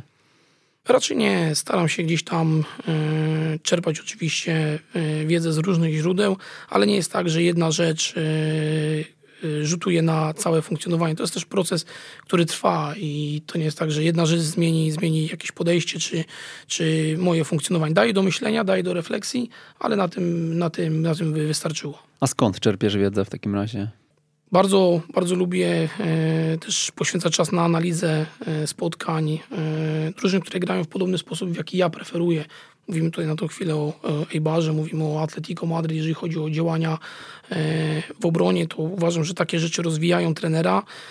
Kiedy obserwuję to, jak to też robią inne zespoły, nie zamyka się tylko i wyłącznie gdzieś tam na swój pomysł na grę, tylko czerpie te wzorce od najlepszych, aczkolwiek też nie wykluczam tego, że nie oglądam Krakowi, nie oglądam Piasta Gliwice, które w wielu meczach funkcjonowały w podobny sposób, bo one to robiły w naszych warunkach polskich i dzięki temu też można było znaleźć wiele podobieństw, które można na funkcjonowanie zespołu dostępność wiedzy w obecnych czasach jest bardzo duża. Jeżeli ktoś chce wyjechać na staż, to na ten staż pojedzie. Jeżeli ktoś chce kupić książkę, e, to ją kupi, bo to nie jest e, żaden problem. I to, to są takie rzeczy, które, na które poświęcam dużo czasu, dużo też to inwestuję, bo każda rzecz e, rozwija, z każdej rzeczy można wyciągnąć nawet jedno, jedno zdanie, dwa, które gdzieś tam nie zmieniają życia, tak jak powiedziałem, ale budują twój warsztat trenerski i są do zastosowania w danym momencie w trakcie prowadzenia drużyny. To Dawid, pięć tytułów książek, które byś polecił naszym słuchaczom. Ostatnio y, skończyłem czytać Prawa ludzkiej natury. Bardzo dobra książka pod kątem różnych y, osobowości, tego jak radzili sobie, czy to w, budując swoje firmy, czy to będąc osobami na stanowiskach y, kierowniczych, czy to będąc prezydentem danego kraju, o zagrożeniach, jakie ze sobą niosły w odniesieniu do ich cech charakteru. Myślę, że bardzo pomaga pod kątem zrozumienia e, pewnych pragnień e, ludzi do, czego, do, do tego, do czego dążą. Mm, siedem zasad skutecznego działania to wydaje mi się, że lektura znana, znana trenerom. Nowy, wspaniały świat, książka odnośnie Pochettino i tego, jak funkcjonował w tym sezonie przez niego bardzo, bardzo pozytywnym. Piłka nożna, metody i formy treningowe. Tutaj jest praktycznie że tysiąc stron bardzo dobrej wiedzy w odniesieniu do periodyzacji, w odniesieniu do e, środków i form treningowych, w odniesieniu do funkcjonowania e, zespołu. I ostatnią rzeczą, którą wydaje mi się, warto nadmienić może nie tyle co książka, ale jest y, asystent trenera, z którego często korzystam i też, y, tak jak tutaj wspomniałeś, y, wiele publikacji się tam pojawia. Uważam, że jest to dobra literatura do takiej bieżącej, bieżącego rozwoju, bieżącego spotkania się z bieżącymi problemami, czy z bieżącym funkcjonowaniem trenerów na różnych poziomach. Dla mnie punkt obowiązkowy. Jak wygląda dzisiaj Twój dzień? jest na pewno pracowity, e, bo od rana poświęcam czas na e, funkcjonowanie w szkole mistrzostwa sportowego. To też jest oczywiście praca, która zajmuje e, sporo czasu i oczywiście też trzeba wykonywać ją w jak najbardziej należyty sposób. Następnie potem jest czas na Sokół Aleksandrów, więc tej pracy tak naprawdę jest bardzo dużo. No, można powiedzieć, wychodzę rano i wracam, e, wracam wieczorem. E, później jeszcze przychodzi jakiś tam czas, czy na samodoskonalenie, czy na właśnie analizę, czy na planowanie procesu e, treningowego. Także ten dzień, można powiedzieć, no jest cały wypełniony piłką. Cieszę się, że mogę robić to, co lubię i nie czuję się, jakbym pracował, tylko no, robię coś, co mnie rozwija, co rozwija innych, dlatego ta praca i ta struktura dnia jest bardzo przyjemna. No powiedz, bo jeszcze o tym nie wspomnieliśmy, mm, jak w ogóle wygląda sztab szkoleniowy w Sokole i ile razy w tygodniu trenujecie? E, sztab zbudowany jest e, z pierwszego trenera, tutaj wiadomo mówimy o mnie, jest trener asystenta, jest to Adrian Jarecki, z trenera bramkarzy Arek Sima, dochodzi do tego kierownik i masażysta. I też od tego sezonu postanowiliśmy włączyć do sztabu e, młodego trenera z drużyn juniorskich. Jest to chłopiec, który ma 20 lat. Bardzo taki pracowity, jeżeli chodzi o chęć rozwoju i uważam, że takim trenerom też należy dawać szansę, bo ja taką szansę dostałem właśnie w SMS-ie i gdyby ktoś gdzieś tam nie postawił na mnie i nie dał mi tej możliwości rozwoju, no nie wiadomo, czy to ten rozwój trenerski by się potoczył w takim kierunku, w jakim się potoczył. Dlatego też podjęliśmy decyzję, że włączymy najbardziej wyróżniającego się trenera z drużyny juniorskiej z Aleksandrowa do, pierwszego, do pierwszej drużyny, w której też będzie mógł zdobywać doświadczenia, w której też będzie miał jakąś swoją działkę, za którą będzie odpowiadał.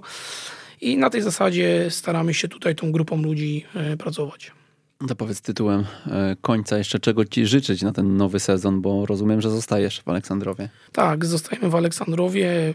Można powiedzieć, że w jakiś sposób zamknęliśmy kadrę. Już odpowiednio wcześnie, w czerwcu staraliśmy się domknąć wszystkie transfery, tak aby nie powtórzyć sytuacji z zeszłego roku, że przez pierwsze 2-3 tygodnie okresu treningowego musieliśmy zastanawiać się, kim będziemy mieli grać. Mamy już ten zespół wykrystalizowany. No oczywiście to, co jest podstawą e, i też wiem po sobie, to oczywiście jest zdrowie i jeżeli jest zdrowie, to reszta rzeczy może układać się e, po myśli i wydaje mi się, że to jest chyba taki najważniejszy aspekt, którego wypadałoby życzyć. A jakie są twoje plany zawodowe, marzenia, może cele, e, w zależności od tego, jak to określasz? Oczywiście, mimo tego, że każdy z trenerów narzeka na tą ekstraklasę i mówi, że nie da się jej oglądać, to nie oszukujmy się, każdy chciałby tam pracować i e, też chciałbym w jakiś, za jakiś czas znaleźć się na takim poziomie i to oczywiście też nie jest żadna tajemnica, aczkolwiek stąpam twardo po ziemi i nie celuję w to, że musi to się stać od razu. Jestem w miejscu, w którym jestem, jestem z tego bardzo zadowolony, mam możliwość rozwoju i, i tak jak powiedziałem, twardo stąpam po ziemi. Bardzo często planujemy y, wiele rzeczy w, y, z wyprzedzeniem, ale potem życie to weryfikuje, bo piłka nożna to nie jest tylko i wyłącznie praca, ale to też jest życie rodzinne, to też jest zdrowie, tak jak powiedziałem i czasem w życiu pojawi się jakiś y, dołek czy jakaś trudność, którą trzeba pokonać i te plany gdzieś trzeba przekładać.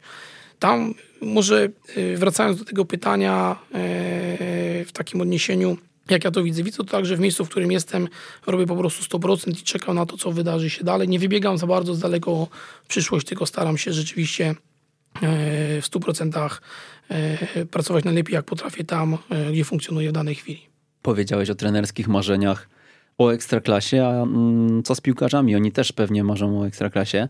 E, jak myślisz, co jest e, takim e, najistotniejszym brakiem, który blokuje tych trzecioligowców, żeby przeskoczyli wyżej? To jest ciężkie pytanie i też dobre pytanie, bo wielu zawodników zdolnych gra na poziomie trzeciej ligi, a niestety nie jest w stanie e, nawiązać tej rywalizacji w pierwszej lidze czy też w ekstraklasie, bo okazuje się, że czegoś brakuje. Wydaje mi się, że nie ma na to jednego, jednego czynnika. Niektórym nie pozwala na to głowa i będąc e, szybko dostając się do drużyn e, na poziomie reprezentacji Polski młodzieżowych, doprowadza to do tego, że może zbyt mocno uwierzyli w siebie i potem kończą na tym poziomie trzecioligowym. Ich oczekiwania były zdecydowanie większe i niestety nie są w stanie przebić się na ten poziom wyżej i funkcjonują na poziomie trzeciej ligi.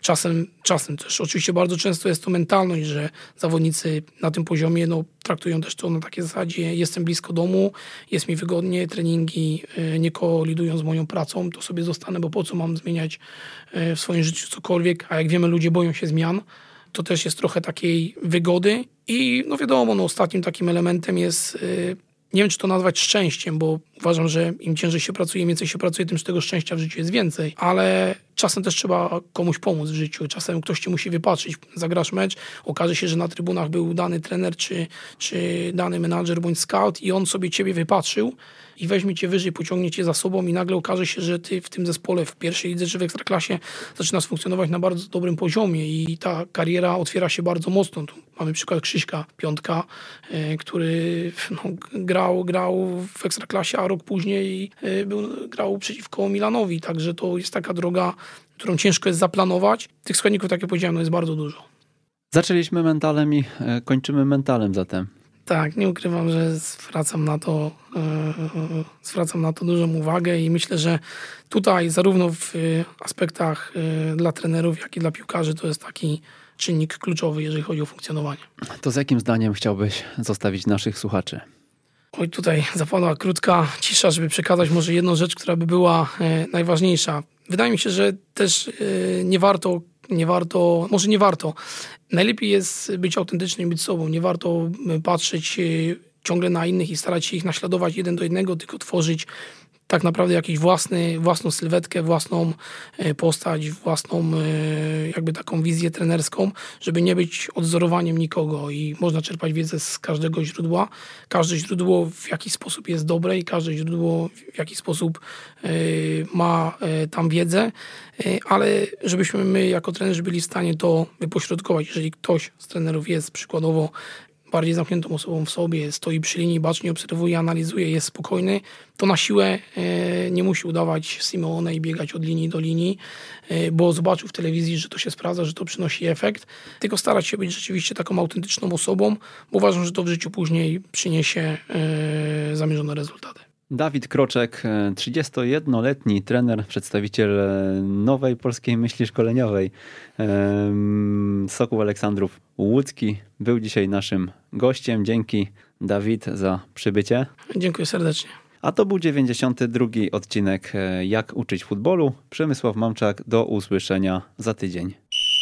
Jeżeli podobał Ci się ten odcinek, mamy do Ciebie prośbę: poinformuj jednego znajomego trenera o tym, że istnieje taki podcast jak Jak uczyć futbolu. To pozwoli nam dotrzeć do znacznie większego grona odbiorców niż obecnie, za co Ci z góry pięknie dziękujemy. Raz jeszcze, do usłyszenia.